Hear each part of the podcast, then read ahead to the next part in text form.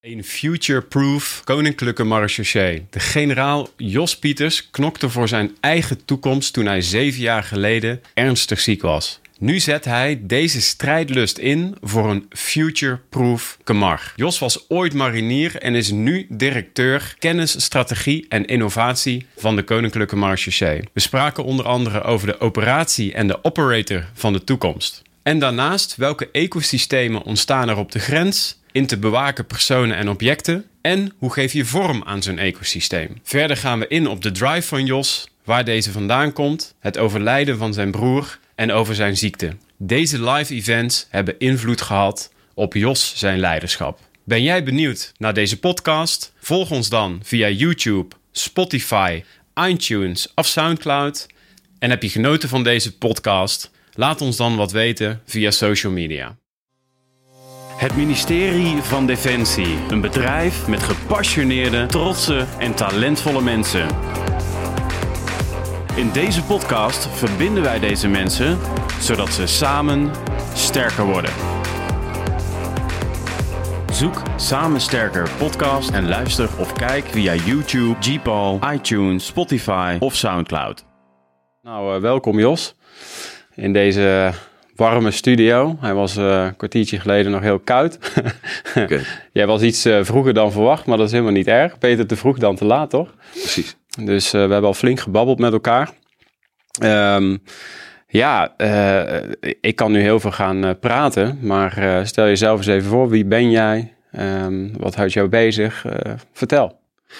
Nou, ik ben Jos Pieters. Ik ben getrouwd met, met Esther. We hebben twee kinderen. Ik woon in, uh, in, uh, op, de grens tussen Drenthe en Overijssel. Uh, dat is wat me als, dat is waar ik als mens ben, zeg maar. Dus dat, dat gaat ook eigenlijk hartstikke goed. Ehm, en ik werk bij de Marechaussee, bij Defensie. Ik ben, ben daar nu werkzaam als binnen de directie kennis, strategie en innovatie als directeur. Vorig jaar begonnen. Om te kijken in hoeverre we in staat zijn om de Kamar meer uh, toekomstbestendig te maken. Dat is eigenlijk uh, één. Um, om op strategie, op kennis en op innovatie eigenlijk aan de slag te gaan. In de hoop dat je daarmee het creatie- en implementatievermogen van de organisatie vergroot. Dus meer plannen, andere plannen. Um, kijkend naar de wereld die op ons afkomt. Dat is eigenlijk heel in het kort. Uh, en de wereld die op ons afkomt is sterk in beweging. Er gebeurt veel op het geopolitieke vlak, technisch gezien. Uh, mensen kunnen steeds meer, computers kunnen meer. Uh, en wat betekent dat dan voor ons en voor de Marge maar ja. ook voor mij persoonlijk bijvoorbeeld. Ja. Lijkt me een flinke taak. Ja, zo voelt het ook wel aan de ene kant. Aan de andere kant is het uh, de uitdaging om het ook concreet te maken. Want uh, je kunt wel erachter komen dat je moet zorgen dat je toekomstbestendig uh, wilt raken. Of dat je bij wil blijven en dat je alles in, in eigen hand houdt. Of dat het je lukt om de juiste besluiten te nemen. Aan de andere kant is de vraag, ja, wat is dat dan? Hm. En hoe ga je dat dan doen? En hoe verhoudt zich dat tot de organisatie nu? Wat doe je dan niet? Wat, wat er kennelijk niet gebeurt wat je wel graag zou willen? Ja. Dus dat zijn dan vragen die het uh, oplevert. Ja. aan de andere kant, het is gewoon hartstikke leuk om mee te werken aan die maakbare, toch wel maakbare wereld. En, toch uh, wel maakbare. Ja, daar ben ik wel benieuwd naar zo. Maar vertel eens, um, um, ik las ergens dat je ooit marinier was. en nu ben je generaal, dus dat is een groot. Hoe is dat gegaan? Hoe ben je bij Defensie terechtgekomen? Vertel eens. Nou, als kind uh, was ik al een vrij uh, energierijke doener. veel in het bos. spelen, sporten, avontuur. En dat heeft zich eigenlijk gedurende het opgroeien, middelbare school en dan studeren ook wel zo steeds geuit. Dat was iets wat altijd aan mijn bij me hoorde. En dat leidde ertoe dat ik in 92 uiteindelijk bij de mariniers als dienstplichtig marinier begonnen ben. Uh, en dat heeft ertoe geleid dat ik uh, daar een prachtige, uh, best wel stevige opleiding heb gehad natuurlijk. en daarbij, sorry. en daarbij... Wil je trouwens water? Dan schenk ik daar vast even in. Ja, praat gewoon verder hoor. Nee, dus daar ben, ik ooit als dienstplichtige marinier begonnen. En uh, dat leidde toe dat ik uh, na de opleiding uh, bijna een jaar op Curaçao heb gezeten. een hele mooie tijd gehad. Ik ben daarna weer bij Defensie vertrokken. via mijn vader had ik werk, gingen we Europa in. lekker reizen, veel geld verdienen. En toch miste ik iets. Ik, ik miste dat gevoel als jochie dat ik uh, in een soort van beschermde geheime wereld toch uh, uh, met, met ook wel een grote doel. veiligheid, vechten, avontuur, reizen, de wereld in. dat miste ik. En dat vond ik in Defensie dus in die dienstplichtige tijd. En daarom heb ik toen ge, gesolliciteerd weer bij de Marché. En ben ik uh, bij de Marge weer begonnen. Ik was er anderhalf jaar uit geweest en in 95 uh, begonnen. Nou, uiteindelijk ga je dan uh, naar de militaire academie en dan word je officier. En dan mm. kom je in een heel traject terecht waarbij je eigenlijk steeds ook midden in het gevoel wat je hebt en eigenlijk met, het, met je hart betrokken bij het mhm. werk gewoon je werk aan het doen bent. Ik heb nog nooit een dag voor mijn gevoel Hoewel dat tegenwoordig uh, in Den Haag toch ook wel een wat andere omgeving is. Maar uh, ik heb echt nog nooit het gevoel dat je een dag aan het werk bent of zo. Het is uh, heel erg nauw betrokken bij wat je, wat je ook leuk vindt. Ja, ja. Want zat dat erin? Heb je dat vanuit je jeugd meegekregen, dat avontuurlijke? Nou ja, mijn vader was veel onderweg. Uh, mijn broer heeft, uh, was eigenlijk ook uh, in, in zijn ondernemers, ondernemerschap veel onderweg. Mijn opa was eigenlijk de wereld altijd over. Ik denk dat dat toch wel van generatie op generatie ook overgaat. En ja, ik heb dat ook altijd zo gevoeld. Altijd een soort van wil om ook te reizen, dingen te doen, aan de slag te zijn, actief te zijn. Ja ja, dat zat er wel in. Toch een bijdrage leveren op een bepaalde manier ook voor het grotere goed of zo? Of is dat ja, later gekomen? Of? Nou, dat heb ik zelf, uh, dat heb ik zelf ook wel zo uh, ervaren. Dat is wel wat ik vond bij voor het eerst. Mijn, je, je, echte aanraking met de overheid en de verantwoordelijkheid die dat met zich meebrengt, mhm. is wel die dienstplichtige tijd geweest. Dus dan kom je, dan kom je ook op uh, punten te staan waarop de organisatie wordt gevraagd dingen te doen. Uh, bijvoorbeeld op Curaçao destijds. En uh, dat leidt dan tot nou ja, de vraag: doe je mee of we moeten dit of dit, dit staat te gebeuren. En dat, dat leidde wel tot het gevoel dat je, nou, ook voor je land en voor je koninkrijk en voor het gemeenschappelijke doel, voor de samenleving, wel iets zou willen betekenen. Ja. Dat, dat, dat is daar wel in gegroeid. Ja. Ja. En dat zit natuurlijk ook wel, als je een sterk gevoel hebt voor recht en onrecht en uh, rechtvaardigheid. Dat vind je in de Marge ook heel erg terug natuurlijk. Je mag gewoon gebruik maken van uh, je bevoegdheid, is dat dan soms. Uh, maar dat is, dat, ja, ik vind dat wel prettig om, om me daarin te begeven. Ja, ja. En je hebt flinke stappen gemaakt, want dan kom je als marinier binnen. Je gaat dus een aantal jaren verlaat je defensie. Dan kom je terug, dan ga je naar de KMA. Uh, en nu zit ik hier met een generaal aan tafel. Uh, en je bent volgens mij nog relatief jong. Ik ben 51. 51. Um, is dat jong voor een generaal? Nou, ze zijn er veel jonger hoor. Dus, uh, oh, echt? Oké. ja, die zijn er wel jonger. Maar uh, nee, ik voel me niet, ik voel me ook niet oud. Dus ik, ik, het voelt ook wel als heel jong in die positie zijn. Uh, maar dat is ook niet iets waar je naartoe, uh, naartoe streeft of zo. Dat gaat, uh, ja, dat klinkt heel slecht, maar dat gaat bijna vanzelf als, er, als je bepaalde stappen of, of rollen of functies doorloopt. En ja. dat bevalt gewoon goed aan beide kanten. Ja, dan ja. is er een moment waarop mensen het ook in je zien zitten. En ja, voordat je het weet, is het zover. Opeens je hebt de, ben je de goede stappen gemaakt en de juiste stappen gemaakt op het juiste moment. En ja, ik denk dat daar heel cruciaal in is geweest dat je uiteindelijk als brigadecommandant bij de Marseillais laat zien dat het op een brigade hartstikke goed gaat. Dat er verschil wordt gemaakt. Dat er uh, stevig wordt uh, gewerkt. Dat er uh, mooie resultaten worden behaald. Ja.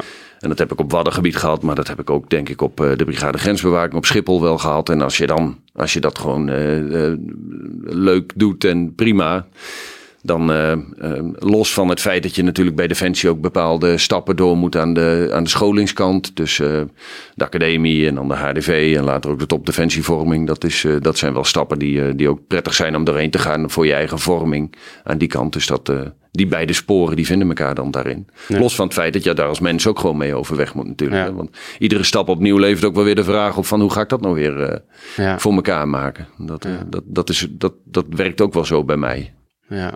Dus nu een rijk militair, maar ook een persoonlijk leven. Uh, en dan nu aan het roer als directeur uh, kennis, strategie en innovatie van de, van de um, En dan ga je een, een marché future-proof maken. Hè? Dus hoe ziet een politieorganisatie van de toekomst eruit? Er komen natuurlijk heel veel dingen bij kijken. Uh, wat, staat er, wat staat er nu echt hoog op de agenda? Wat houdt jou zoal bezig? Nou ja, het, het, begint bij de, bij de oorsprong dat uh, de marechaussee in ieder geval zelf over zichzelf uitsprak van er moet wat veranderen. Uh, we willen graag future-proof raken. Dat is onze huidige commandant. Commandant, dat is de luitenant-generaal Leitens. Die is bij zijn, bij zijn aanstellen heeft hij een plan laten schrijven. Dat is future-proof 2025. Dat, dat op een aantal sporen uh, positie, mens, techniek en doorontwikkeling, IGO, um, zeg maar, um, um, kracht bijzetten om ook uh, op die sporen dan de volgende stappen te zetten als organisatie, om daarin ook toekomstbestendig te raken. Uh, maar dat is allemaal gedreven door het feit dat je uh, onderkent dat de wereld heel snel aan het veranderen is. Dat we in een soort digitale transitie zitten. En dat er, uh, ja, dat, dat er veel van ons verwacht wordt. Geopolitiek speelt er van alles. Uh, wij zitten op de randen van, de, uh, van, onze, van onze grenzen. Dus op de grens tussen nationale en, en internationale grens. Daar, ja, daar doet de marechaussee zijn werk. De Googles en de Amazons en de Apples die knallen als nooit tevoren. En dat heeft ook zijn effecten. Uh, dus informatiegestuurd optreden, dat is iets waar de marechaussee in zijn optreden voor staat. Dat is iets wat, uh, wat heel erg uh, zijn weg krijgt. Ja, en uh, vanuit die gedachte betekent dat dat je nu, nu aan de slag moet als organisatie om, om, om samen met anderen. Defensie heeft het veel over multidomein, maar wij merken zelf als politieorganisatie ook dat je samen moet werken met de politie, met justitie en veiligheid, met Defensie, maar ook met partners om je heen op, op, op grote luchthavens, publiek-privaat er is gewoon ontzettend veel uh, uh, uitdaging voor mm. de komende vijf tot tien. Met een doorkijk naar uh, 2035 in tijd. En dat betekent dat je, als je, we noemen dat onze radarfunctie vanuit de directie kennis, strategie en innovatie. Die, die strategiekant, die heeft een, een strategische radar. Daar staan we 120 onderwerpen op met een mogelijke impact voor, uh, voor de marechaussee of voor de samenleving in het algemeen. En als je daarnaar kijkt, ja, dan merk je gewoon dat digitalisering, maar ook kennisopbouw, um, alles wat gaat over robotisering, uh, eh, AI, dus uh, artificial intelligence, maar ook de operator van de toekomst. Hoe ziet, mm -hmm. hoe ziet nu de marechaussee van 2025 en daarna eruit? Uh, hoe ziet onze operatie eruit? Wat doen we dan? Wat wordt dan van ons verwacht? Uh, hoe maak je dan keuzes als er 120 dingen op de op Ja, de dat is een hele moeilijke vraag. Ja. Want uh, daar hebben we het met de Marchesee-raad zeg maar ook heel veel over. Van welk, welke triage hè, zou je mogen plegen op datgene wat je te doen staat? En dat, ja, daar hebben we al vele modellen voor verzonnen. Maar er is niet één, één model natuurlijk te creëren. Maar ja, algemene beginselen als, uh, die je op, op plannen kunt toepassen. Is het uh, haalbaar, acceptabel, geloofwaardig en wenselijk? Uh, maar ook ja. Defensie heeft natuurlijk een Defensievisie 2035 geschreven. wij als Marge zijn 100% Defensie. Dus al het werk wat wij doen op straat, op luchthavens, maritieme havens of in het Koninkrijk... Uh, dat is ook van Defensie. En uh, nou ja, daarin is een Defensievisie geschreven met, uh, met inrichtingsprincipes en met, met kenmerken. Ja, dus wat je kunt doen met de onderwerpen die je vindt op je strategische radar, die kun je langs die defensievisie ook houden om te kijken of dat iets is ja. waarbij je zegt, hé, hey, dat gaat richting die visie of niet. En dan, ja, daar, daarin moet je keuzes maken. Het is bij ons wel zo dat gezag uh, bepaalt wat we doen. Ja. Uh, de, de marechaussee die bepaalt hoe. Uh, maar we hebben gewoon verschillende gezagsdragers die daarin opdracht geven aan de marechaussee om bepaalde taken uit te voeren. Dus je zult ook nog eens in overleg met je gezag moeten over wat je wel en wat je niet te doen hebt. Ja. Rondom COVID bijvoorbeeld is bij ons op het mobiel toezicht veiligheid, wat we doen tussen Duitsland en Nederland en wat we doen tussen België en Nederland, is er gevraagd om uh, als platform uh, controle aan de grens ook op te treden op het gebied van volksgezondheid. Uh, mm -hmm. En te vragen aan mensen om niet die grens over te gaan in het kader van, van COVID. Dus dat, en destijds rondom COVID zijn er voor het eerst in de, volgens mij in de bij mij bekende geschiedenis op een luchthaven voor de Marseillais ook weigeringen geweest uh, bij mensen om Nederland niet binnen te mogen. Omdat ze niet voldeden aan de voorwaarden voor binnenkomst. Ook in het kader van de COVID-maatregelen. Ja. ja. Dus daar, daarin zie je gewoon dat je ehm, dat in tijden van waar, waar, we nu in zitten, eigenlijk, die transformatie, pandemie is er opeens, dat je gewoon keuzes te maken hebt die je uh, vorig jaar of een paar jaar geleden nog niet voor ogen had. Ja. Is, is de samenleving uh, zich uh, bewust van de taak van de Koninklijke Marechaussee? Nou, vraag me dat bij heel Defensie wel eens af, hè? omdat we natuurlijk um, ook heel, heel veel stiekeme dingen doen. En uh, hè, um, stiekeme dingen in de zin van dat niet alles in de media mag verschijnen. Um, omdat dat ook gewoon in het belang is van een operatie bijvoorbeeld. Maar uh, zijn we zichtbaar genoeg? Dat is eigenlijk de vraag. Nou, dat, denk, dat, dat gaat over je maatschappelijke opgave bijna. Hè? Van wat heb je te doen als organisatie? En weet jouw samenleving dat ook? We doen dat niet voor onszelf. Nee. Dus je doet dat vanuit een uh, publiek uh, uh, en maatschappelijk belang. Maar ook vanuit de hoedanigheid dat ik, ik moet hem iets, sorry hoor, ik moet hem iets concreter maken. Is dat ik kom net terug van een lange reis en dan kom je op Schiphol aan. En die mensen, hè, ook mensen die misschien van buiten Defensie hier naar luisteren. de marechaussee heeft gewoon een hele grote taak op bijvoorbeeld de luchthaven Schiphol. Die is enorm. Uh, ik vraag me wel eens af of mensen daar uh, genoeg bij stilstaan dat dat het leger is wat dat doet, bijvoorbeeld. Ja, nee, dat, dat, dat maakt het. Uh, ik denk het niet. Ik denk dat die bekendheid erover. De, de mensen zeggen ook dat ze naar de douane gaan. Hè? ik ben door de douane. Dat staat op. Dus dat, dat is onze grootste uitdaging altijd om het woord douane te laten vervangen door Koninklijke Marché op Schiphol of op andere luchthavens waar we zitten. Hè? Maar uh, nee, ik denk dat we daarin nog wel wat uh, werk te doen hebben qua, uh, om het communicatief ook onder de aandacht te brengen. Maar nee, dat is, een, een dat is bijna. Dat Schiphol, dat is bijvoorbeeld een stad die leeft met honderdduizenden mensen op een dag. waar je in het kader van veiligheid bepaalt of iemand wel of niet het Schengengebied in mag. Ja. ja, dat is cruciaal. Waarbij iedere passagier opnieuw uh, bepaalt of de marechaussee faalt of slaagt, bij wijze van spreken, hè, voor de veiligheid van Nederland. Dus die, uh, dat belang is, uh, is enorm groot. Ehm, maar we zijn als organisatie een organisatie die dat niet heel, heel erg stevig in de, in het publieke domein zeg maar, ook wegzet. Met communicatie, met...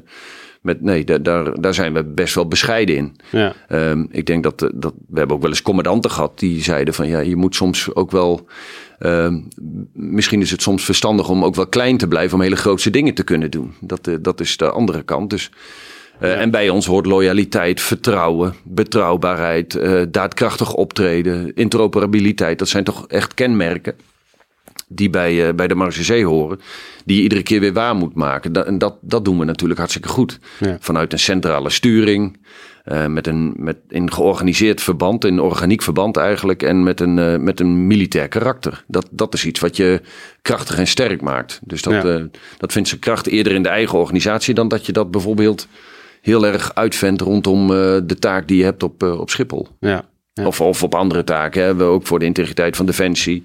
Of wat we doen tegen mensensmokkel en mensenhandel of aan de blauwe grens. Eigenlijk geldt die verantwoordelijkheid overal wel een beetje hetzelfde. Ja, ja. En die digitale transformatie, hè? dus we hebben het over het future-proof maken. Ik hoor je net heel veel dingen zeggen die te maken hebben wel met, uh, met, uh, hè, met de digitalisering. Maar die digitalisering is niet nieuw. Die is er al jaren. Ja. Ja, de computers van nu zijn 20 of 25 jaar geleden ontwikkeld, zeggen ze wel eens. Hè? Dat, ja. Dus dat is interessant hoe zich dat uh, ontwikkelt. Ja, wat ik daar heel erg uh, een grote uitdaging in vind, is dat je uh, met alle regels en alle uh, integriteitseisen die je hebt op je systeem, zeg maar, dat je op IV als overheid, dat je, dat je een goed platform hebt gebouwd waarbij je, waarbinnen je heel goed informatie uit zou kunnen wisselen tussen organisaties of binnen je taak. Daar hebben we een enorme uitdaging natuurlijk. we onderkennen dat Defensie niet alleen voor Nederland. Of uh, nee, maar het liefst in samenwerking verband Europa of NATO op moet treden. Terwijl onze systemen eigenlijk redelijk gesloten of op zichzelf draaien. Dus heel dat multidomein en interoperabel optreden gaat uiteindelijk voor de toekomst in digitalisering natuurlijk ook vallen of staan met het feit of je in hetzelfde systeem werkt. En dat is nu nog lang niet altijd zo. Nee. en de wet staat het ook vaak niet toe dat je dingen uit mag wisselen. Dus Um, dat, is, eh, dat is ook iets wat natuurlijk afhankelijk is van um, hoe veilig het is in de samenleving. Uh, want hoe ja. onveiliger het is, hoe meer uh, wetten je krijgt om wel dingen uit te wisselen natuurlijk. Maar daarin gaat het ook over het vertrouwen wat mensen hebben uh, voor wie je dat werk doet. Want, ja. want wat doet die overheid met die uh, informatiepositie? Dat zijn dan ook zaken die aan de orde komen natuurlijk. Waar we, ja. waar we echt een hele belangrijke taak in hebben. Je moet dat niet misbruiken, een goede informatiepositie. En eerlijk op de vraag ook beantwoorden. Als je nu alle informatie zou kunnen gebruiken in je werk die je ter beschikking had Uh, zou je dat dan ook willen? En daarop is de vraag uh, vanuit de overheid, uh, denk ik, voor je uh, burgers en voor mensen die Nederland binnenkomen ook nee. nee. Je hoeft niet alles van iedereen te weten om te bepalen of iemand erin of eruit gaat. Maar daar hebben we wel wat. Daar zou techniek en digitalisering ook een heel objectief hulpmiddel in moeten kunnen worden. juist ten behoeve van die passagier of van die, of van die militair of van de, van de burger. Ja, ja. ja. Maar even voor de mensen die uh, ook binnen Defensie. Ik geloof ook best dat sommige mensen. Ik weet ook niet precies de taakstelling van op dit moment. van de luchtmobiele brigade. of de Prinses Irene brigade. of de luchtmacht. Ik weet ook niet alles. Wat doet de marechaussee? Ja, grofweg kun je zeggen dat wij uh, zeg maar op drie taken of op drie taakvelden heel actief zijn. Dat is de grenspolitietaak. Dus alles waar we uh, aan de grenzen, aan de randen van onze uh, territorialiteitsbeginsel zeg maar, kunnen zeggen dat het koninkrijk er is. Daar zit de marechaussee op de grens. Ja. Om mensen te controleren of je erin of eruit gaat. Dat doen we tussen Duitsland en Nederland. Dat doen we tussen België en Nederland. Maar ook doen we dat binnen het koninkrijk. En op de luchthavens daar waar je op de buitengrens naar binnen komt. En op de aangewezen luchthavens uh, in Nederland hebben wij ook de politietaak. Dus daar is niet de politie aanwezig om daar de taak uit te voeren. Dat is de marechaussee ook. Dus daarin hebben we gewoon een uh, hele belangrijke taak. Met een Intel-organisatie die dat faciliteert en de, een opsporingsorganisatie die dat ook uh, faciliteert van de marechaussee. We hebben dan het bewaken beveiligen domein. Dat doen we eigenlijk op, nou, bij de Nederlandse Bank, bij het Koninklijk Huis, op de hoogrisicobeveiliging. Uh, maar ook voor de, uh, dus, uh, maar ook voor, de, voor die luchthavens hebben we de gewapende beveiliging, burgerluchtvaart. Ehm, dus daar zijn we ook heel actief. En dan hebben we nog de internationale en militaire politietaken. Daarin hebben wij een rol als politieorganisatie voor defensie. Waarbij we daar de strafrechtelijke onderzoeken doen, maar ook instaan, proberen in te staan om de integriteit van defensie zeg maar, te waarborgen als politieorganisatie voor defensie. Ja, en natuurlijk, ja. ja en daar hoort dan ook bij uh, nog uh, de, je, wat ik zei, je Intel en je opsporingsorganisatie. En in tijden van crisis zie je dat we uh, nog eens los daarvan altijd gevraagd kunnen worden voor andere opdrachten. Dus het verlenen van bijstand, dat hoort er ook altijd bij. Voor ja. de politie, voor, uh, nou ja, voor, uh, voor rampen, voor Opleiden missiegebied. Ja, ja. Ook dat, hè? Ja, ja. We, zitten natuurlijk ook in het buitenland in missies. Ja, absoluut. Ja. Ja. over missies gesproken. Jij schreef aan mij in de voorbereidingen, wij zijn altijd op missie. Ja, het bijzondere aan, uh, aan, aan de Marseillais is dat je 24 uur per dag, 7 dagen in de week en eigenlijk 365 dagen in het jaar uh, je taak uitvoert. Dus, uh, en dat, de, die scope, de operatie centraal en de mensen die het doen, zeg maar, dat is wel een scope die bij ons heel erg prominent aanwezig is. Er luchthavens. We hebben een tijd gehad in Europa dat het uh, behoorlijk gevaarlijk was en risicovol om op luchthavens uh, je werk te doen, omdat er gewoon aanslagen uh, werden gepleegd. we hebben dat, nou, dat is natuurlijk in België ook Zaventem bijvoorbeeld, maar ook andere luchthavens in Europa. ja, dus de, iedere dag eigenlijk uh, nu uh, spreek je van migratiecriminaliteit. Er, zijn, er wordt voorkomen dat er kinderen worden ontvoerd.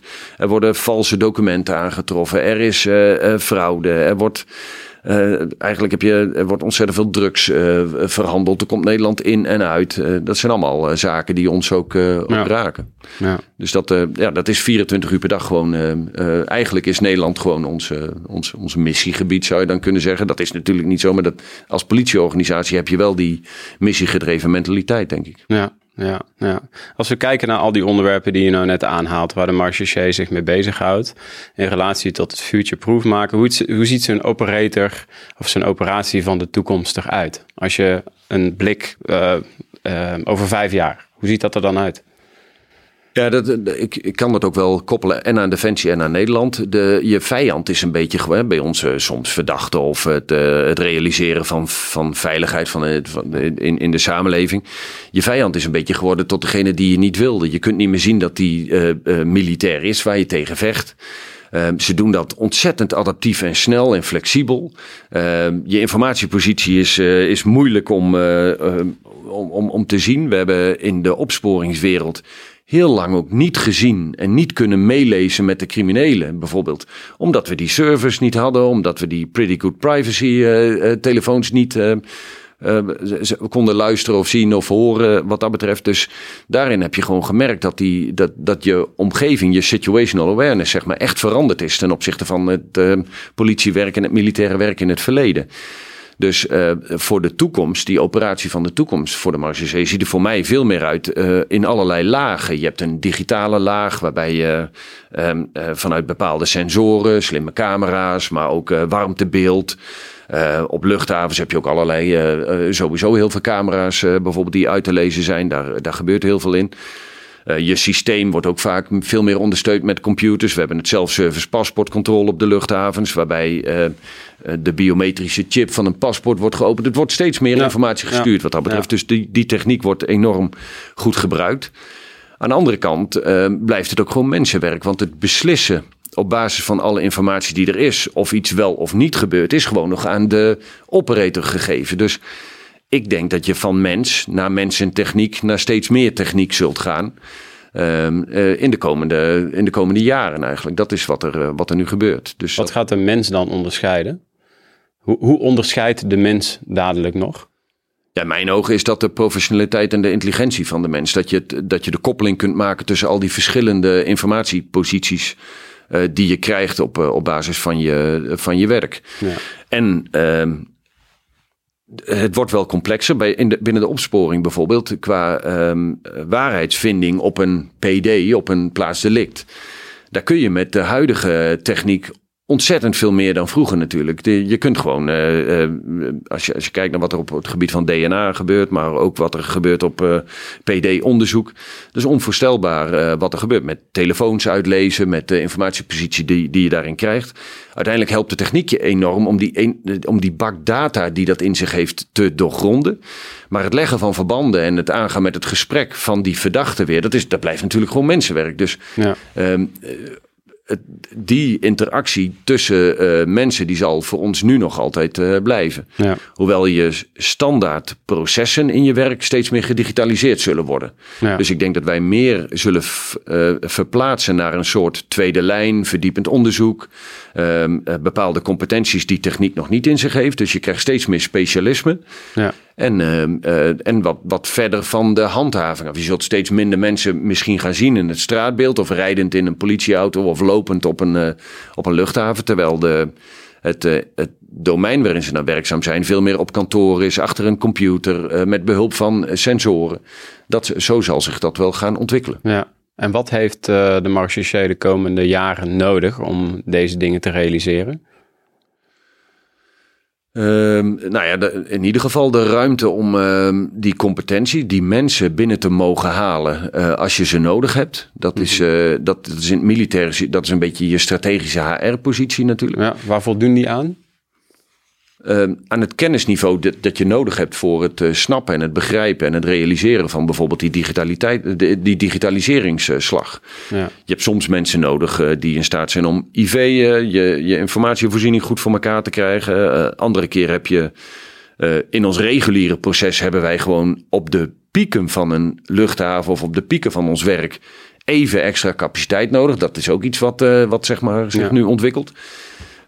daarvan is niet de vraag, moet je dat altijd in je organisatie uh, hebben? Nee, dat hoef je alleen op het moment te hebben dat je het nodig uh, uh, hebt of bent en dan ja. te, tot je beschikking hebt. Dus dat hebben we voor de komende, de komende periodes nodig. Dus dan heb je samenwerkingen nodig? Ja, sowieso. Dus, en voor het uit kunnen wisselen van informatie, dat multidomein of interoperabel zijn in Nederland, of een ja.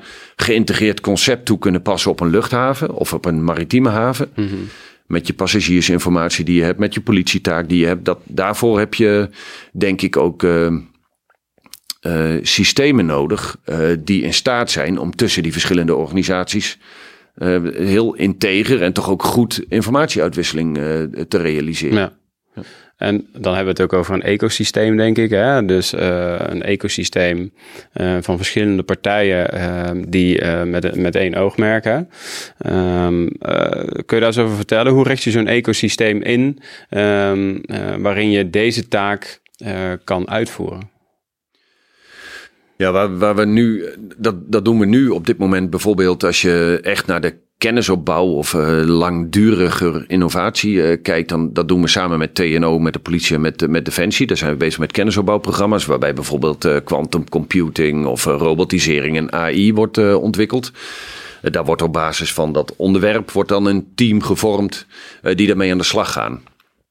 Um, als je veel dichterbij gaat zitten, is um, um, zeg maar wat er nu al beschikbaar is, uh, eigenlijk van de plank. Uh, want de Googles, de Amazons, de Apples, die hebben natuurlijk niet voor niks uh, die ontwikkeling meegemaakt. Dat levert ons ook al heel veel op.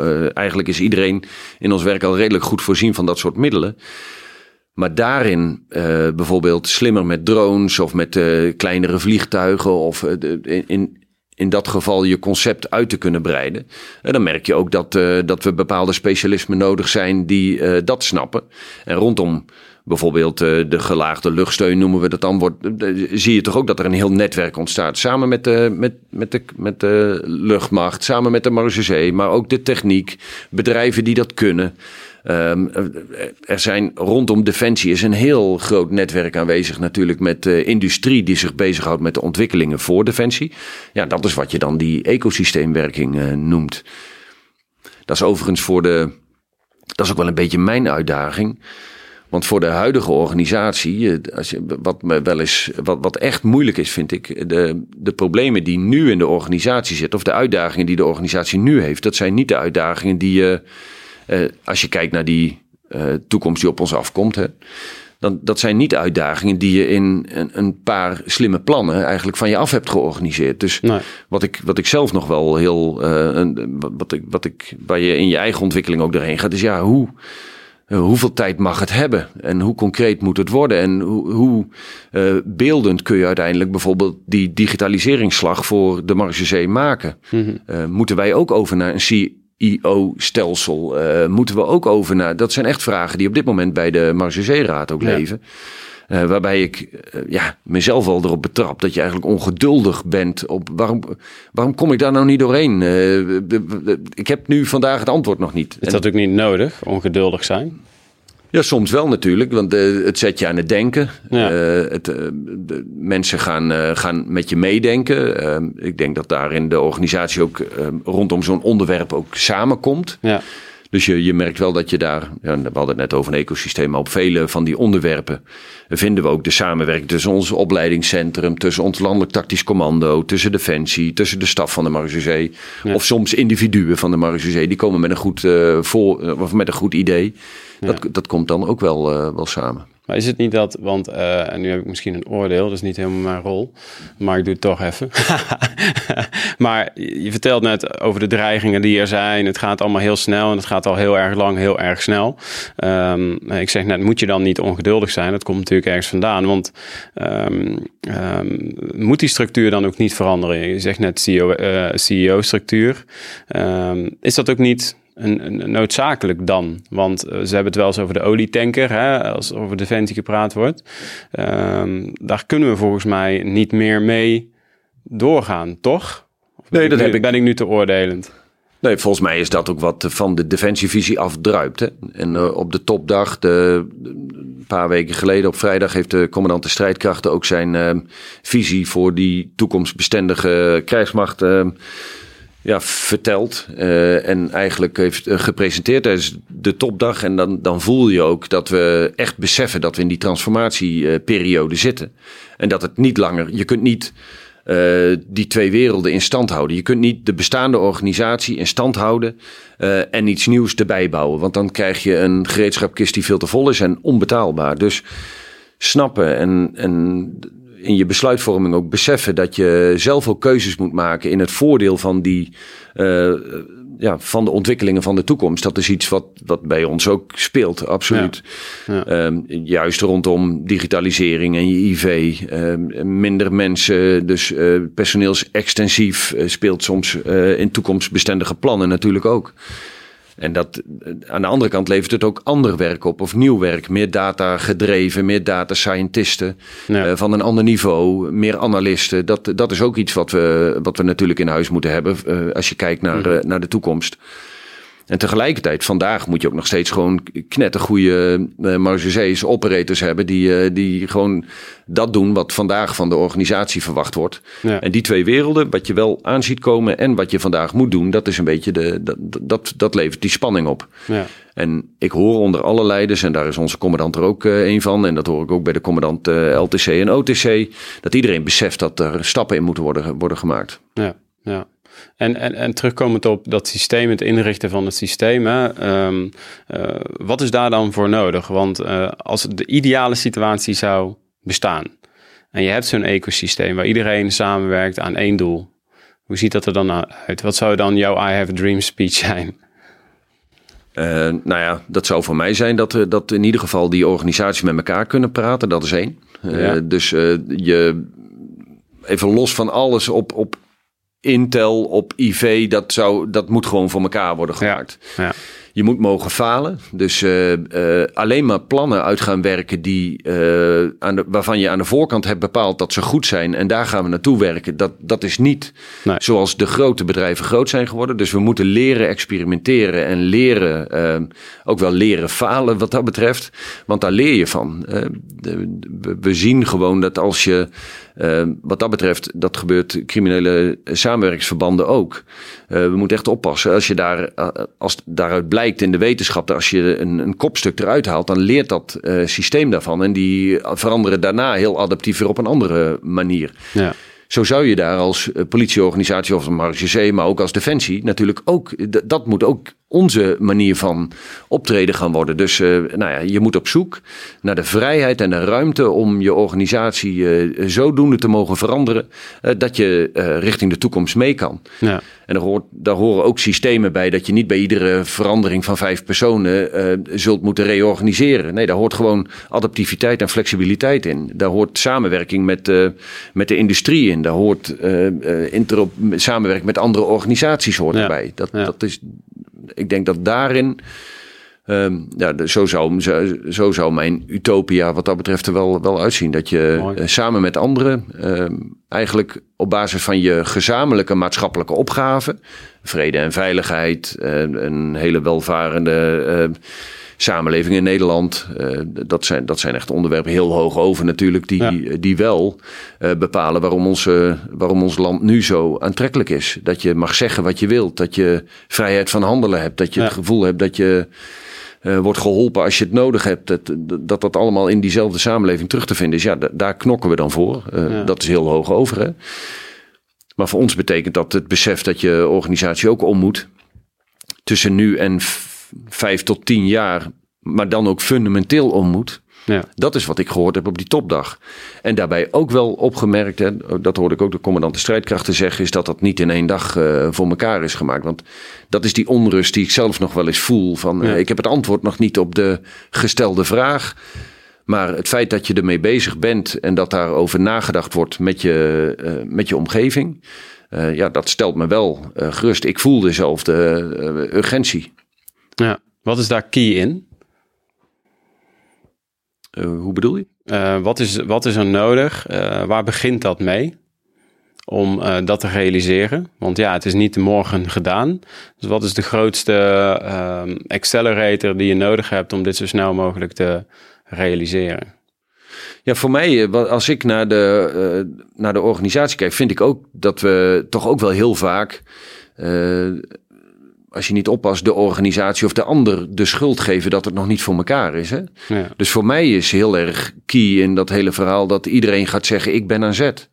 Eh, wat, wat, kan ik doen in mijn optreden vandaag op morgen om te bepalen dat, uh, dat we al richting die verandering gaan? Eigenaarschap. Ja, ja en zelfleiderschap. Dus het is prachtig dat we het over termen als leiderschap hebben. Maar over het algemeen begint het natuurlijk gewoon met zelfleiderschap. Pak je je verantwoordelijkheid op het onderwerp. Ja. En dat, dat is, daar, daar begint het mee. Ja, wat, wat, wat, wat, want dan hebben we het over cultuur, dan hebben we het over gedrag. Um, hoe gaan we dat doen? Ja, op vele vlakken denk ik. Dus uh, aan de ene kant door uh, die hele harde kant die we net noemden, hè, te zorgen dat uh, je door ontwikkeling op robotica, op techniek, op, op je kennisdomeinen, op, mm op, op de juiste mensen in dienst kunnen nemen, dat dat gewoon doorgaat. Aan de andere kant denk ik dat je aan de sociaal innovatieve en aan de organisatie veranderkant heel hard aan de slag moet uh, en gaat en blijft uh, op, het, uh, op je veranderverhaal. Mm -hmm. Op mm-hmm. wat hebben we te doen, waar staan we voor, wat is onze maatschappelijke opgave en wat betekent dat dan voor, de, voor Nederland, maar dan voor Defensie, voor de Marge voor mm-hmm. mijn brigade, mijn team, voor mij. Dat je uiteindelijk bij jezelf uitkomt in het gesprek met je leidinggevende of met je omgeving of met je ecosysteem op basis van je competentie. En dan zegt, uh, oké, maar wat is, dan de, wat is dan de volgende stap? Wat doen we wel en wat laten we ook los? Ja, ja, ja. En, en wat, wat doen jullie daaraan? Hè? Jij bent uh, directeur kennis, strategie en innovatie. Uh, ik hoor je zeggen dat er een heel groot sociaal aspect in zit. Hè? Het begint bij jezelf. Um, wat, wat, wat, wat, wat, wat doen jullie daar nu op sociaal innovatief vlak aan? We hebben binnen de directie zijn er eigenlijk drie ja, afdeling kun je niet zeggen, want het is ook één team. Maar we hebben een afdeling strategie, we hebben kennis en innovatie. Daar zit een programmamanager kennis en innovatie boven. En we hebben een sociale innovatie en veranderkant met een programmamanager. Die werkt met een heel team. Die programmamanager, Jan Blom, die werkt met een heel team mensen uh, op het gebied van uh, sociale innovatie, diversiteit en inclusiviteit, maar ook het verander, uh, organisatieverandering in het algemeen. eigenlijk met een heel team aan het, aan het aan de verandering voor de Marge uh, als proces. Maar goed, als je dat als proces uit gaat leggen, dan raakt dat niemand. Maar dat moet je laten, uh, uiteindelijk moet dat uh, gevoed en gevoeld worden. Dus op de verschillende lagen uh, binnen de Marge moet in de komende periode het gesprek over uh, de verandering en over uh, de toekomst uh, gevoerd gaan worden tussen leidinggevenden en medewerkers. Van wat hebben jullie nodig? hoe ziet ons beoogde veranderverhaal eruit? Hoe gaan we dat faciliteren? Dat is weer proces. Maar uiteindelijk, als het gesprek gevoerd wordt, dan moet daar zeg maar ja, fantastische energie uh, los gaan komen tussen leidinggevenden en medewerkers die, daar, eh, die, die samen uh, de bereidheid gaan vinden om die verandering uh, in te zetten.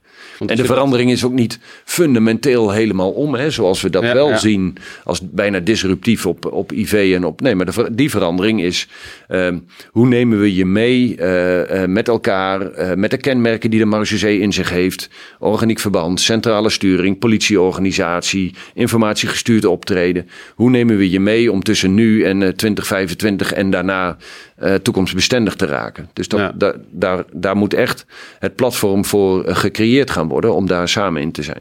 We sluiten daarin ook aan bij peace leaders, we sluiten daarin aan bij diversiteit en inclusiviteit, strategisch HR van de HDP binnen Defensie. Dus daar zit ook een heel systeem omheen hoor. Maar, ja. Uh, ja. ja. Mooi, mooi. Want ik denk niet dat het alleen bijvoorbeeld peace leaders is. Het is ook aan de andere kant Zeker. ook, ook diversiteit en inclusiviteit. En weer aan de andere kant ook. Uh, ja, er, gebeurt zoveel op dat vlak. Uh, ja. Ook gewoon heel belangrijk dat je commandant, uh, dat alle commandanten aan, aan, aan de slag zijn op het gebied van verandering. En daarin laten zien en voelen wat zij ook veranderd willen zien. Want waar, uh, als je naar de operator van de toekomst kijkt, um, en er zijn natuurlijk heel verschillende functies, hè, dus je kan niet, uh, het is misschien lastig om één uh, lijn daarin te benoemen nu, te realiseer ik mezelf, maar waar zou een operator van de Marche zijn bed uit voor moeten komen of haar bed uit moeten komen? Ja, ik denk dat ons takenpakket wat we nu doen heel toekomstbestendig is. Dus de koppeling met Defensie is ontzettend belangrijk. Die zal er ook altijd uh, blijven zijn. Dus je moet gevoel hebben bij het feit dat je, dat je als politiefunctionaris van de defensieorganisatie uh, mee kunt werken aan de integriteit van defensie. Dat is eigenlijk uh, sowieso één. En daarbij moet je ook op uitzending kunnen en andere politieorganisaties in de wereld uh, naar een hoger niveau kunt tillen en daarin ook expeditionair op kunt treden. Um, in het bewaken beveiligen domein hebben we een hele grote footprint. We hebben een, ongeveer een paar duizend mensen rondom bewaken beveiligen op cruciale punten in het hart van de democratie werkzaam. Op het Binnenhof, bij de Nederlandse Bank, bij het Koninklijk Huis. Daarin heb je een, een buitengewoon uh, belangrijke rol. Uh, het realiseren van de veiligheid van die mensen, van die locatie, van, uh, en, en daarmee dus uh, ook van een, een veel veiliger samenleving, is iets waar waarvoor je dus ook je bed uit moet komen. Dat vind je daar heel erg in terug. En ik denk als, als laatste dan, hè, die grenspolitietaak, de verschillende, de blauwe en de, dus de maritieme havens en de luchthavens. Daarin hebben we ook zo'n prominente, duidelijke rol. Dat je voor het realiseren van uh, een veilig gevoel over de democratie bijna moet zorgen dat dat sowieso op die nodussen die er in Nederland zijn, die hele belangrijke locatie, die luchthavens zijn mm -hmm. van extreem belang als het ze lukt om daar onveiligheid te creëren. En zo is dan de, of de criminaliteit, de, of uh, nou ja, in het slechtste geval uh, uh, hele erge dingen, dan, dan leidt dat direct tot een onveilig gevoel in Nederland. Dus het besef dat je als uh, marechaussee in de balie, uh, op patrouille, uh, op fietspatrouille op de luchthaven, een bijdrage levert voor de veiligheid van Nederland is een hele belangrijke. En dat zal, die luchthavens, die zullen er de komende 10, 15 jaar, 20 jaar nog steeds zijn. Ja. En daarin samenwerken met de informatiepositie die je hebt, vanuit de verantwoordelijkheid die de marechaussee heeft, dat is, daar moet je je bed voor uit willen komen. Ja. En op al die vlakken ehm, speelt natuurlijk altijd weer, wat ik aan het begin ook zei, de Intel en de opsporing. Onze Intel-organisatie van buitengewoon belangrijke, uh, van buitengewoon belangrijke positie. En de opsporing, ja, uh, daar waar we aan het werk zijn, levert dat ook onderzoeken op. Ja. En daar, daar zit onze opsporing bovenop. Waar ben je heel trots op als je kijkt naar, we hebben het over het inrichten van een ecosysteem, over hoe politieorganisatie eruit uh, zou moeten zien in de toekomst. Maar dat gebeurt natuurlijk vandaag ook al. Hè? Dus we zitten nu al in de toekomst en nu weer. Um, dus welke dingen ben je heel erg trots op dat je zegt van ja, dat, uh, dat vind ik wel heel gaaf dat dat gebeurd is? Nou ja, wat, wat, ik, uh, wat mij echt opvalt uh, is uh, nou ja, van het laatste jaar bijvoorbeeld alles rondom die pandemie en COVID. Mm -hmm. Um, de schok die er ook door de Marxische ging, vanuit het feit dat er iets over uh, onze hele samenleving heen ging, waar je, waar je en bang werd voor je eigen gezondheid, maar ook uh, door had dat dat implicaties had voor, je, voor de operatie. Het, het had gewoon effecten voor het werk op straat. Uh, wat, wat betekent dit als ik iemand ga reanimeren? Wat betekent dit als ik. dat heeft natuurlijk gevolgen. Mm -hmm. Dus het daarin doordenken wat dat betekent en dan vervolgens de mensen gewoon aan het werk laten. Uh, vanuit uh, die centrale sturing die de Marechaussee in zich heeft, die landelijke scope, dat is echt uh, ingeorganiseerd verband met dat militaire karakter. Dat is iets waar ik echt hartstikke trots op ben. Daarin onderscheiden wij ons ook echt, vind ik, van andere, van andere organisaties. En daar komt dan bij, hè, als het uh, verschrikkelijk wat er gebeurt met, met een advocaat en met een journalist als om dat soort taken heen het iets gaat betekenen waar bewaken beveiligen voor ons ook uh, uh, heel belangrijk is, dan, dan merk ik aan de Marechaussee dat er in no time uh, door een fix aantal mensen extreem hard wordt gewerkt om te zorgen dat daar iets staat waarom gevraagd wordt. Mm -hmm. Om daarmee de veiligheid ook zeg maar te vergroten voor, voor dat daar ben ik ook hartstikke trots op. Dus er echt staan als het erop aankomt, dat vind ik uh, buitengewoon uh, indrukwekkend. -hmm. En dat, hè, dat is natuurlijk super mooi. En, en, en dat in relatie tot uh, de, de nieuwe dingen waar we tegenover staan. Dus in relatie tot een ecosysteem. zijn er ook al bepaalde stappen in gemaakt dat je zegt van ja, weet je, met die samenwerking, dat hadden we nooit alleen kunnen doen als bedrijf, als, of, als, als, als marchaussee. heb je er ook een voorbeeld van? Ja, wij werken, eh, ja, dus, er, zijn, er zijn vele voorbeelden. Maar als ik kijk naar wat, er, wat ons in het kennisdomein is gebeurd, de afgelopen periode, waar ik ook hartstikke trots op ben, is als je vanaf de faculteit in uh, Breda tot aan de operaties op het werk, uh, zeg maar, samenwerkt aan het kennisdomein van de Marge Daarin wordt bepaald. Nou ja, we, dragen bijvoorbeeld uh, scriptieonderwerpen aan voor, uh, voor de, de kadetten van de Marge op de, op onze militaire academie. op het gebied van kennis en innovatie wordt samen met TNO, met de politie en de Marge keihard uh, samengewerkt. Ik, rondom innovatie zijn echt ontzettend veel leuke ideeën. We hebben een paar weken geleden nog uh, nog weer een uitvraag gedaan in de organisatie. Die dan, uh, hè, hebben jullie nog innovatieve ideeën? Dat leidt direct weer tot een, tot een aantal uh, vragen die je dan kunt realiseren.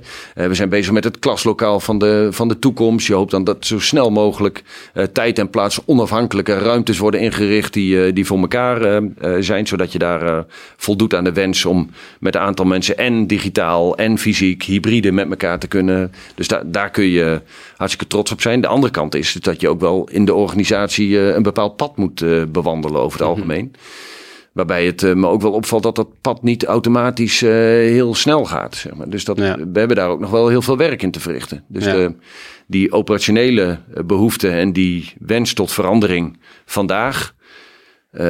en de organisatie die we zelf hebben gecreëerd, zeg maar, de, de belangen daarin eh, vertegenwoordigen. En dat proces gaan versnellen, dat is wel iets wat, uh, wat we voor de komende periode natuurlijk in adaptiviteit veel meer nodig hebben. Met een heel groot verlangen naar de toekomst. Dat schreef je naar mij. Ja. Waar komt dat vandaan? Ja, uit, eh, uit verschillende dingen. Ik ben denk ik van nature. Mijn moeder zei altijd van ik, er, was er één in ieder geval hartstikke uh, optimistisch. Dat, dat ben ik. Uh, dat hoort een beetje bij, bij, mijn, bij mijn persoon. Eh, zo ben ik ook opgegroeid, zo ben ik altijd geweest. Ik heb, uh, de, mijn scope is eh, gericht op de toekomst. En ja, daar, ik heb altijd weer zin in het nieuwe jaar. Ook qua energie.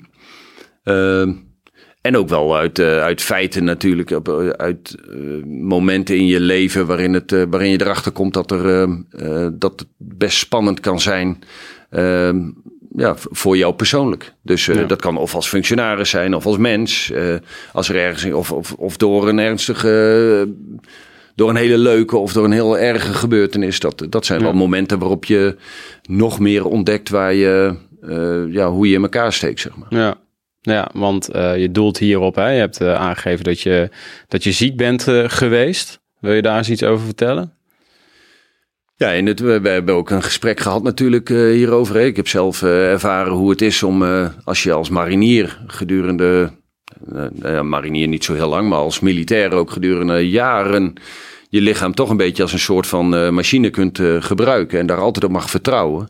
En dat is ook een van, die, van, de, van de kernwaarden is van het je fysiek mogen voelen als je er dan achter komt dat je, dat je ziek wordt. En, en ook niet zomaar, maar echt ernstig ziek wordt en moet vrezen voor je leven. Dat, ja, dat zijn momenten waarop je erachter uh, achter komt van. Uh, ja, wat kan ik hiermee? Met het verdriet wat ik nu ervaar, met de teleurstelling die ik heb, met, met het gevoel, de totale paniek eigenlijk, die in het, in het eerste ogenblik over je heen komt als je geconfronteerd wordt met het feit dat je moet, moet twijfelen aan, aan, de, aan die, die, ja, aan die veiligheid van je lichaam. Zo heb ik dat een beetje ervaren. Ja. Nou, daar heb ik. ik heb, dat is dan makkelijker voor dit gesprek. Ik heb kanker uh, gehad. En dat, dat heeft bij mij uh, ertoe geleid dat je enorm schrikt. En ook nog wel in een redelijk uh, slecht stadium. En toen dacht ik na twee hele slechte nachten van ja, maar dit is het ook niet. Hier kom ik geen steken, maar ook helemaal geen moe mee, mee verder. En toen heb ik gedacht, ik zet de schouders eronder, we gaan ervoor. En vanaf dat moment heb ik eigenlijk nooit meer gedacht dat ik dit niet zou kunnen overwinnen, wat, wat mij betreft. Wauw, wauw. Dan zoek je, ik zocht toen naar de antwoorden die je dan nog niet kunt krijgen. En dat, uh, nou ja, dat, dat leidt ertoe dat je uh, naar behandeling, operatie en daar komt natuurlijk alles achteraan, chemo en dergelijke. En daarna veel controles en goed opletten en hier en daar ook weer angst. En tegelijkertijd nou ja, grote vreugde, omdat je na een bepaalde periode. En ik zit nog steeds één keer in de vier of vijf jaar wel in een controlesysteem. en dat is maar goed ook, denk ik. Dat is ook de, toch ook wel weer de luxe die je in Nederland dan hebt, dat, dat, dat je dat krijgt. Ja. Maar ja, daar, daar ben ik doorheen gegaan en dat is hartstikke goed gegaan wat dat betreft. ja, en dat, dat is wel een, een punt voor mij dat je, als je daar dan in zit, dan besef je ook wel van, uh, hey, maar uh, volgens mij uh, moet ik ook zorgen dat ik nu een hele mooie toekomst krijg. En dat heeft ja. voor mij wel geleid tot een extreem, of nou extreem klinkt misschien verkeerd, maar tot een enorm verlangen naar de toekomst. Ja. Iedere dag weer. Je zei toen tegen mij, kan ik me herinneren, je kunt jezelf iedere dag een verbeter cadeau geven. Ja, dat klopt. Hoe, hoe kun je dat uitleggen? Nou ja, dat, zit ook, dat is wel een beetje gekoppeld ook aan, de, aan het gesprek. Uh, wat, we, wat je met. Wat ik aan het begin van het gesprek zei, dat je vaak van mensen hoort dat, dat de organisatie uh, iets verkeerd doet, of dat het aan een ander ligt. Of ik hou mezelf altijd voor, nou ja, als ik dan ergens doorheen ben gegaan en ik heb ervaren dat het niet zo goed is uh, gelopen, dan, dan probeer ik daar wel een omkering in mezelf te vinden van wat is hier nou niet goed gegaan. Ja.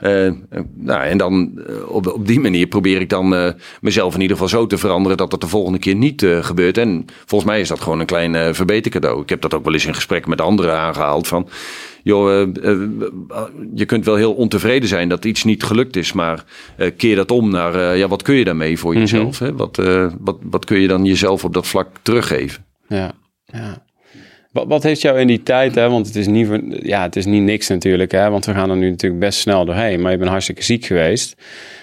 wat heeft jou in die tijd, naast het feit dat jouw glas klaarblijkelijk bijna altijd half vol zit, ehm, wat, wat heeft jou er op die momenten doorheen gesleept? Wat was echt key om daar doorheen te komen?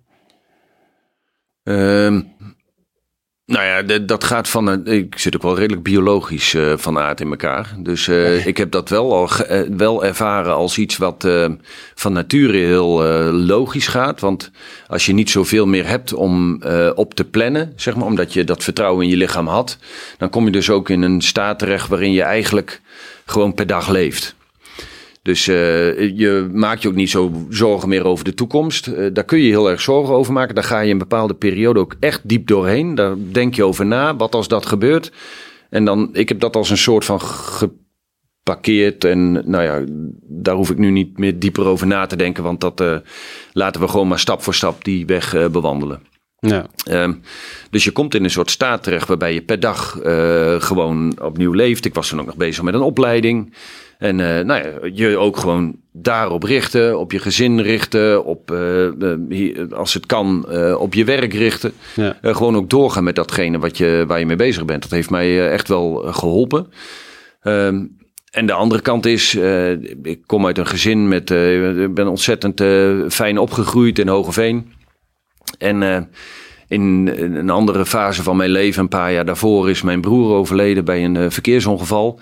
En toen dacht ik, het gaat mijn ouders niet gebeuren om uh, en de een en de ander. Dus dat is voor mij ook een, uh, een drijfveer geweest waar je u tegen zegt. Ja. Ja. ja. ja. ja. Dat ging mij niet gebeuren, zeg maar. Ja. Wat ging jou niet gebeuren? Uh, wegvallen. Wegvallen. Ja. Ja.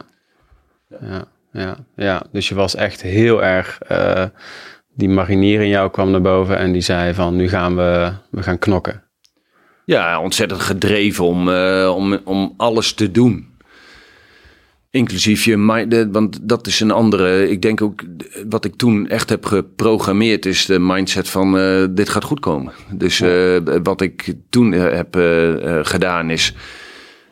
ik wil gewoon dat mijn ouders hartstikke trots zijn en dat ze blij zijn met wat ze nog, wat ze nog hebben. En dat, dat doen ze zelf hartstikke goed, overigens. En dat heeft mij ook een, eh, een power gegeven waar, je, waar ik zelf eh, heel veel aan gehad heb. Ja. Die heeft me, die heeft me ja, eigenlijk van iedere stap opnieuw. Uh, wat, ze ook, wat er ook tegen me gezegd werd wat ik moest doen. het liefst zou ik het morgen al doen. En, qua behandeling, qua voeding. Ja. Ik weet nog dat ik in het ziekenhuis lag. En toen zeiden ze: Je mag nou ja, mijn vorm uh, moest je ook een tijdje niet eten. En toen mocht ik weer boterhammen eten. En zei ze, nou, doe maar een, je mag twee boterhammen. En nou, toen, een minuut of vier later, had ik dat op. En toen zei ze, ja, maar dit had je moeten verdelen over de komende drie of vier uur. Oh. En zeg ik ook, nou ja, dat is dan zo. Ik heb ze al op. Ja. En, uh, nou, zo, zo, zit mijn traject er een beetje. Zo zit mijn traject een beetje in elkaar. Ja. Ik heb gewoon alles gedaan wat ik kon. Uh, om te zorgen dat het allemaal goed zou komen. Zowel aan de medische kant als aan de, mijn eigen kant. Controles en uh, de, de hulp ook aanvaard van mensen om me heen. Ja. Wat dat betreft. Die, eh, ja, en, en je moet gewoon verknokken, gaan. Ja. Heb ik nu een andere Jos tegenover mij zitten dan voor jouw ziekte en voor het overlijden van jouw broer? Ehm, nou ja, op een, uiteindelijk word je ook weer gewoon jezelf. Dat vind ik wel. Ehm, ik erg hem ook wel weer aan de simpele dingen waar je aan kunt ergeren. Ehm, dus dat, dat je wordt misschien zelfs hier en daar ook nog wel uh, wat uh, principiëler. Dus dat, dat, hè, dat, dat je, je je zou je wel eens wat nog meer kunnen ergeren dat mensen zich uh, principieel opstellen. Of dat je denkt, man, doe niet zo uh, moeilijk. Dus daar zou je zelf ook, dus dan gun je de ander juist meer ruimte. Terwijl je daar zelf dan principieeler op reageert. Dat, dat, dat is niet de bedoeling natuurlijk van zo'n ervaring. Mm -hmm. Maar, uh, dus je wordt weer gewoon jezelf. Maar wat ik echt wel vind. Uh, daarna, ik, dat je, als je, mijn, onze zoon die kon hartstikke goed uh, voetballen, vind ik. En als hij dan scoort, of die rent, of die doet, of hij, uh, ze zijn gewoon gelukkig. of je, je dochter die skielt en die is blij. Ja, daar kun je zelf ook hartstikke blij, blij van raken, zeg maar. Ja. Wat me wel opvalt. Uh, rondom de Robert en Brink films en uh, het uh, luisteren naar muziek. En ook muziek die je samen met, met mijn broer bijvoorbeeld hebt ervaren vroeger, waarvan je wist dat hij dat leuk vond. Ja, dat kan je enorm raken in positieve zin, waardoor je gewoon als mens, denk ik, je gevoel veel meer, nog veel meer kunt raken. Krijg je dat ook terug uit je omgeving? Ja, dat, gedeeltelijk. Ik weet niet of, je, of ik in staat ben om dat iedereen uh, te laten voelen. Mm -hmm. We hebben kort geleden een tweedaags programma gehad met het huidige team. Uh, ja. En dan komt dat natuurlijk ook wel aan de orde. Uh, nou, dat is wel. Dan hoop ik wel dat die openheid en die transparantie en dat, dat mijn verhaal hen helpt. Mm -hmm, uh, mm -hmm. en, en dat het ze ook inspireert als ze er wat, voor wat ze eraan hebben, hè, want het is mijn verhaal. Ja. Uh, en dan krijg ik wel, ja, dan krijg je regelmatig wel terug dat ze het fijn vinden dat je dat, je dat met ze deelt. Dat je mens bent. Ja. ja. Ik heb een klein uh, cadeautje voor jou. Ik hou van cadeautjes geven. Oh jee. Oh jee. Hey pap, wat leuk dat we mee mogen doen aan deze vlog voor je werk. Um, gaat over uh, samen sterker. En ja, we willen je gewoon uh, even een aantal dingen vertellen uh, waarvan wij denken dat ze, dat ze ons als gezin samen sterker maken. Ja, nou dat was natuurlijk jouw reis omhoog naar de top van de Stelvio voor het goede doel. En daarvan moesten we echt wel even samen trainen. Jij, de kinderen weten natuurlijk ook wat het is om de berg was niet helemaal mijn ding. maar wel ook als gezin natuurlijk nog gedaan, niet alleen voor je werk. Dus uh, dat maakt het wel extra bijzonder. Dus we weten hoe zwaar het was, allemaal eigenlijk. Ja. Hè? En uh, ja, dat je best wel uh, een pittige weg hebt onderweg. Je weet niet hoeveel bochten er nog komen voordat je boven bent. Dus ja, we zijn daarom, denk ik, als gezin ook samen sterker. En onze vakantie in Bormio, die we toen ook als met z'n vieren hadden, was niet alleen voor het fietsen heel erg leuk en leerzaam om te trainen. Maar het was als gezin ook heel mooi om die herinneringen weer met elkaar uh, te hebben. Lekker in de pizzeria, gezellig. Limoncello drinken.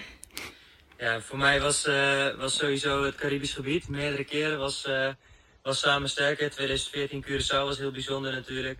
Um, en ik vond vooral ja, dat we ook mede dankzij jouw werk naar de eilanden toe konden. Vond ik wel echt dat dat ons ook samen sterker heeft gemaakt die herinneringen die zijn gewoon uh, nooit meer weggegaan. En natuurlijk het moment dat we naar je toe mochten rennen in de buis na weet ik hoeveel maanden dat we je niet hadden gezien, dat we je eindelijk weer vast konden houden. Dat maakt ons ook als gezin samen sterker. Lieve pap, veel succes nog en uh, geniet van de podcast. Doei. Doei. Doei. Goh.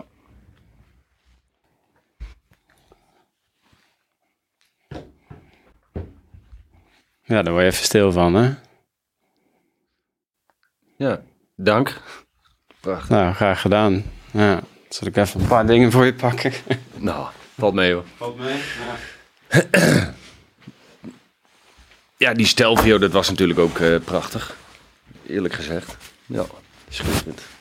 Ja. Toen we, dat is ook wel een mooi verhaal, dat we uh, binnen de Marge Zee is een hele grote groep mensen eigenlijk ook altijd wel voor het eh, goede doel actief geweest. En daar zat ik toen nog niet in, maar die waren al de Stelvio aan het beklimmen. In de tijd dat, eh, nou ja, dat, dat ik daar niet aan meedeed, zeg maar. Dus eh, Ja. in de periode dat, de, eh, dat dat speelde, dat je voor het goede doel, voor Stelvio for Life. En nu ook de Mont Ventoux. En we doen ook mee aan de Europa Run als Marge Dat is echt prachtig. Eh, daar eh, voor het goede doel. Ehm, zeg maar, eh, ja.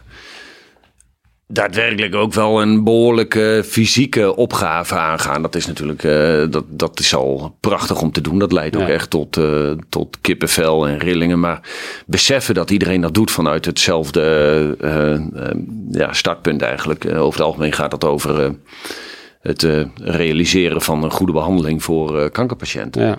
Nou, dat heb ik twee jaar achter elkaar mogen doen met een groep mensen. Nou, dat met collega's, dat is fantastisch. Ja. En ja, als je daar dan eh, naar boven gaat en eh, eh, ja, de eerste keer ook weer naar beneden, want toen lag er te veel sneeuw. Toen mochten we maar tot twee derde of zo van de top. Maar daarom heb ik het jaar daarop nog een keer gefietst.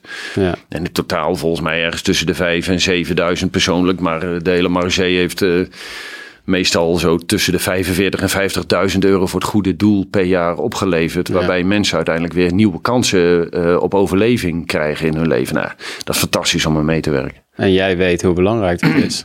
Ja. Ja, ja en, en toch bescherm je jezelf ook. Want, want ook dit, hè, dat, als dat.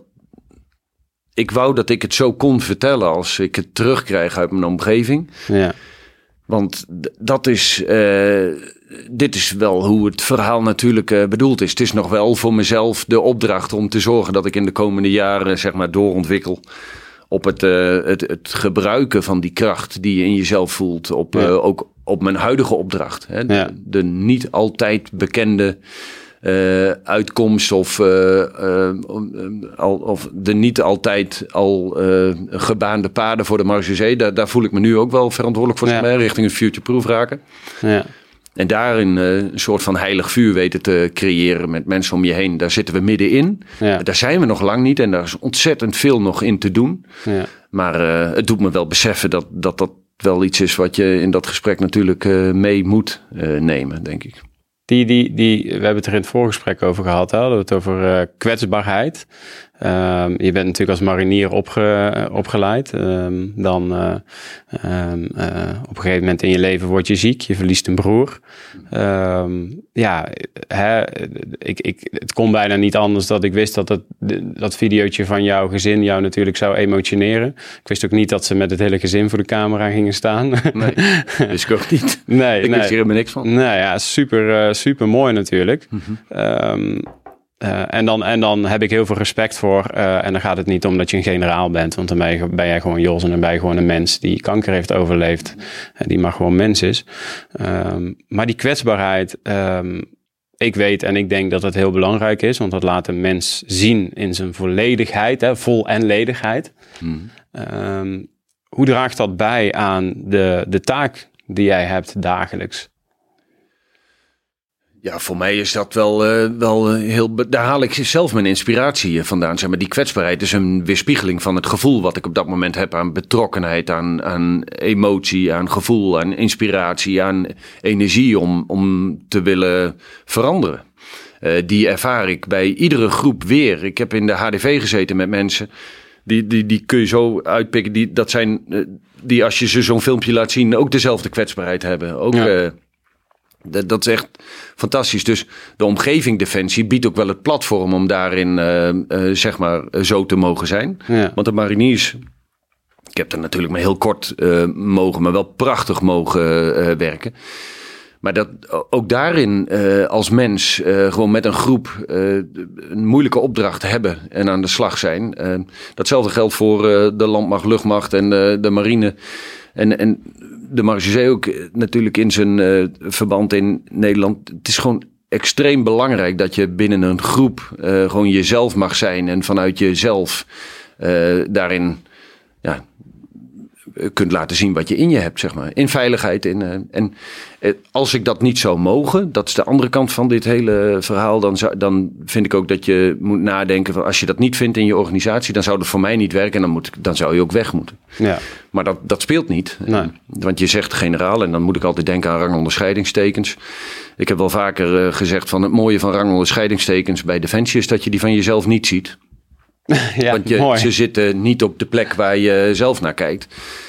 En dat, de, de, ik, blijf, ik wil dat ook blijven zeggen, want dat is, dat is echt. eh, als mens ben je gewoon helemaal hetzelfde als dat je alle stappen daarvoor eh, gewoon natuurlijk zet. Ja, mooi. Dat is mooi, die heb ik nog nooit gehoord. Die zie je zelf niet. Nee. Nee. Nee. Nee, zo werkt het ook met een talent, hè. Een talent is, eh, ik kom er nu ineens op, een talent zie je vaak niet van jezelf. Andere mensen kennen waarde toe aan jouw talent. Daar ben je niet bewust van. Daarom kost het ook geen energie. Dan zeg je, ja, dat doe ik toch gewoon. Ja. Dat is uit de oudheid een geldstuk, hè. Dus daar werd waarde aan toegekend. En dat is met dit eigenlijk ook. Van ja, weet je, ik ben gewoon Jos, ik ben Danny. Ja. Weet je, en... eh, Ja, daar moet je het ook mee doen. ja, toch? Ja. Ja, ja. ja. heel mooi, heel mooi. Hey, en jou, is dit dan ook jouw persoonlijke missie? Want daar schreef je ook over. Nou ja, mijn, ja, mijn persoonlijke missie zit hem. eh, ik, ik, wil. eh, diezelfde, die energie wil je gewoon kwijt kunnen. Dus het samenwerken met mensen aan een belangrijke opdracht op het gebied van, van veiligheid. Dat klinkt heel abstract, maar voor mij is dat heel concreet. Dus daar zit ik iedere dag in. Want als ik dan net in die, op die vraag hoe ziet je agenda eruit, dan denk ik van ja. Het is veel praten, overleggen, proberen te beïnvloeden, eh, zorgen voor eh, eh, nou, dat, dat dingen er wel doorkomen. En dingen, dat is ook al niet concreet, maar zorgen dat een plan wat iemand heeft er is. eh, eh, mensen inspiratie laten vinden. Eh, ja, uiteindelijk in zo'n organisatie. dat ik als mens binnen Defensie iedere dag wel uit kan leggen wat het in ieder geval met mij doet. En wat het mij brengt, dat vind ik, vind ik gewoon hartstikke belangrijk. Ja. Want eh, die zit hem voor mij veel meer in de klussen die je tijdens je defensieperiode eh, meemaakt. Eh, op, op uitzending in het Caribisch gebied, wat de kinderen aanhalen. Dat is, dan ben je tien maanden van huis. Ja. als- dit is menscommandant op Sint Maarten. Maar een prachtige tijd, waarbij je later de, de honderden of duizenden foto's die je daarvan hebt, met je gezin nog steeds koestert als een hele bijzondere tijd. Terwijl je natuurlijk wel een, een tijd ook minder bij elkaar bent. Ja. Maar het wordt denk aan beide kanten uitgelegd als iets eh, wat mensen gevormd heeft. En, Is en dat dat nu is niet wat extra Defensie je dan lastig? vindt. Is dat nu niet extra lastig? Kan ik me voorstellen. Als je zoiets mee hebt gemaakt, dat je echt eh, op, het, op, op het randje hebt gestaan. Om dan je gezin zo lang achter te laten? Ja, maar dat speelde nu. eh, ja, maar dat was voor die tijd. Hè. Ik ging naar, naar Sint Maarten in 2008. Oké. Maar dat doet me wel een ander voorbeeld. De- want we hadden hetzelfde toen ik eh, daarna eh, naar de HDV ging. Toen eh, zeiden mensen van, maar kun je dan nu... maar dan moet je weer van huis. En toen, ik legde dat uit van, ik ben blij dat dat weer kan. Want dat betekent dat het goed met me gaat. Dus het is ook maar net hoe je daarnaar kijkt. Ja, dat is dat Ik- positieve weer van jou. Hè? Dat je denkt, ja, ja, ja. Kijk, Kijk, als, als je dat tegenstaat, als je niet van huis kunt, omdat je dan, eh, eh, ja, dan- denk ik dat je moet zorgen dat je, ja, dan, dan gaat dat tegen je werken, dan krijg je dat, dan kost dat energie ja. en dan, eh, dan, is dat heel lastig. Dan moet je daar iets anders op zien te vinden. Dan moet je of dichter bij huis gaan werken of. eh, Ja, ja. Wat, wat, wat, wat zijn jouw vervolgstappen? Wat gaan we de komende tijd van jou horen? Hoe ga je al jouw energie, ehm, hoe ga je die kanaliseren? En Ja, op, deze, op mijn, eh, dus ja, twee dingen denk ik. Als, eh, als, eh, als medewerker van de, van de werkend aan, eh, aan de opdracht, eigenlijk aan, aan iedereen van de Marechaussee om te zorgen dat we future-proof raken. Eh, daarin wil ik eh, dat we als directie verder gaan met het concretiseren van deze veranderopdracht op strategie. Ja. Wat heb- hebben we te doen? Welke scenario's kunnen we bedenken? Waar moeten we ons voorbereiden? Hoe zitten we met de digitale transitie? Dat zijn echt grote onderwerpen die eigenlijk voor iedereen eh, spelen. En niet alleen voor mij, maar, maar sowieso ook voor de directie. Op kennisontwikkeling en op innovatie. Dan moeten we gewoon steeds concreter worden. Daar hebben we de, de, de, plannen van gepresenteerd. Daar, daar staat, er staat heel veel nu. Er is veel bedacht. En dat moeten we waar gaan maken. En dat veranderverhaal bij, aan de, bij de programmamanager Sociale Innovatie en Organisatieontwikkeling. Ja. ja, aan die kant daar moeten we samen hard aan de slag om de volgende stappen te gaan zetten. Zodat we over een paar jaar terugkijkend uh, zeker kunnen zeggen dat, uh, dat dat heel waardevol is geweest. Dat we daar echt mooie fundamentele stappen hebben gezet. Die, dan hebben de toe, de, die er dan toe hebben bijgedragen dat het uh, toekomstbestendiger is geworden. Ja, ja. Want als je nu drie dingen uit zou moeten kiezen die nu op dit moment echt cruciaal zijn. Die je het liefst binnen nu en een half jaar geregeld zou willen hebben. Misschien een moeilijke vraag, maar wat is dat dan? Nou, dan hoop ik, uh, dan is dat voor mij in ieder geval zorgen dat het, uh, het hele informatiesysteem, waar, waar het optreden van de Marseillais is mensenwerk. Onze kracht is onze mensen. En we hebben een informatiepositie. En dat, uh, die informatiepositie die haal je uit computers, uit systemen. Daar hebben we een steengoed verhaal over zeg maar opgeschreven. Dat is een programmaplan geworden daarvan zorgen dat het in de organisatie uh, uh, wordt uh, geaccepteerd, maar ook gefinancierd en uiteindelijk dan in de komende jaren wordt gerealiseerd. Dat vind ja. ik een hele belangrijke.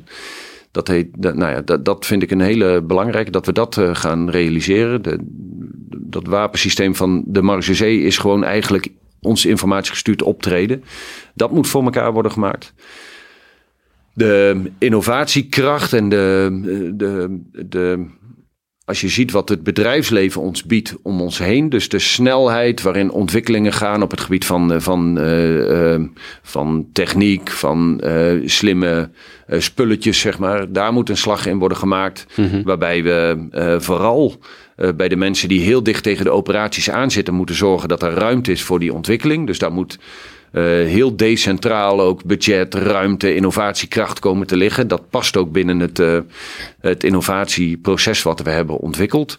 Dus dat moet voor elkaar uh, worden gemaakt, zou ik zeggen. Ja. En de operator van de toekomst. Ik wil echt het komende jaar ook gaan gebruiken om een, het programma over hoe ziet onze toekomstbestendige marechaussee eruit en wat betekent dat dan? hoe, ja, dat is een, uh, een pad waarbij je op mens, maar ook op uh, techniek en op uh, verschillende sporen uit moet mm -hmm. lopen. Om daar concreter in te worden. Ja. en als organisatie zelf als laatste, als een soort paraplu daar overheen. Uh, denk ik dat we ook heel goed na moeten denken over. We hebben nu een, een heel krachtig. Uh, we hebben, onze organisatie bestaat uit drie.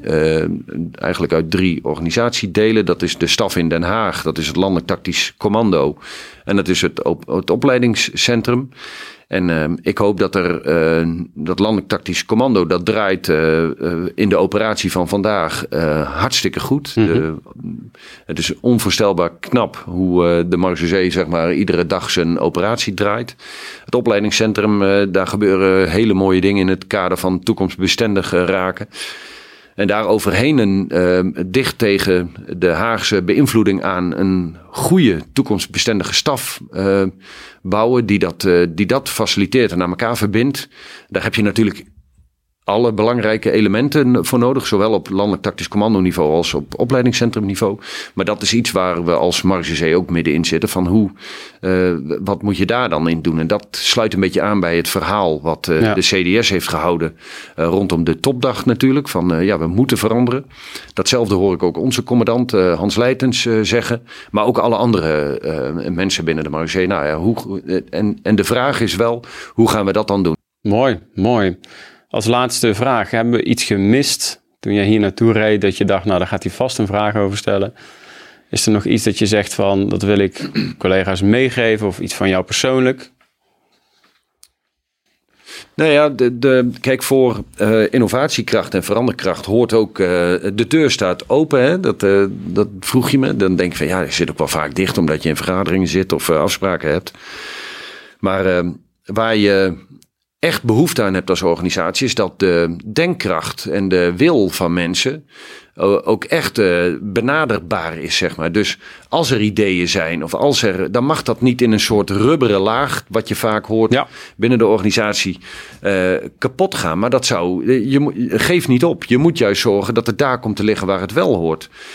En dan, dan de, hele kleine voorbeelden in het verleden als brigadecommandant ergens. En je vroeg aan mensen, wat zou jij nou binnen uh, één dag al veranderen als je mijn rol kreeg? Dan, waren vaak, dan, dan zeiden ze van, nou, dan wil ik meer samenwerken met. Of dan wil ik graag uh, dat, dat op die manier doen. Dan zei ik, wat houd je tegen? En als je niet oppast, ben ik zelf onderdeel van het tegenhouden hè, in de ogen van de ander. Ja. En ik zou echt willen dat mensen uh, die vraag stellen die ze zouden willen stellen om, uh, om het verschil morgen al te maken. En gewoon te stellen aan degene die in hun ogen daarvoor verantwoordelijk is. En daar gewoon een ja van krijgen. Want vaak is dat helemaal niet diegene aan wie je die vraag wil stellen, maar ben je dat zelf. Ja. Dus uh, openstaan voor dat verhaal op verandering, uh, dat sta ik voor iedereen. Uh, dus via de telefoon. Een uitnodiging. Het is gewoon een uitnodiging om. Uh, en dat geldt denk ik voor alle leidinggevenden binnen de uh, Marge en binnen Defensie. Ja. Van, ga het gesprek aan op de verandering, want dan ben je zelf onderdeel van die verandering. En dan, ja. dan, dan maak je het verschil. Dan ja. heb je impact. Ja, mooi. Vind ik een mooie afronding. Dankjewel. Ja, graag gedaan. Thanks. Hartstikke gaaf. Merci. Dag.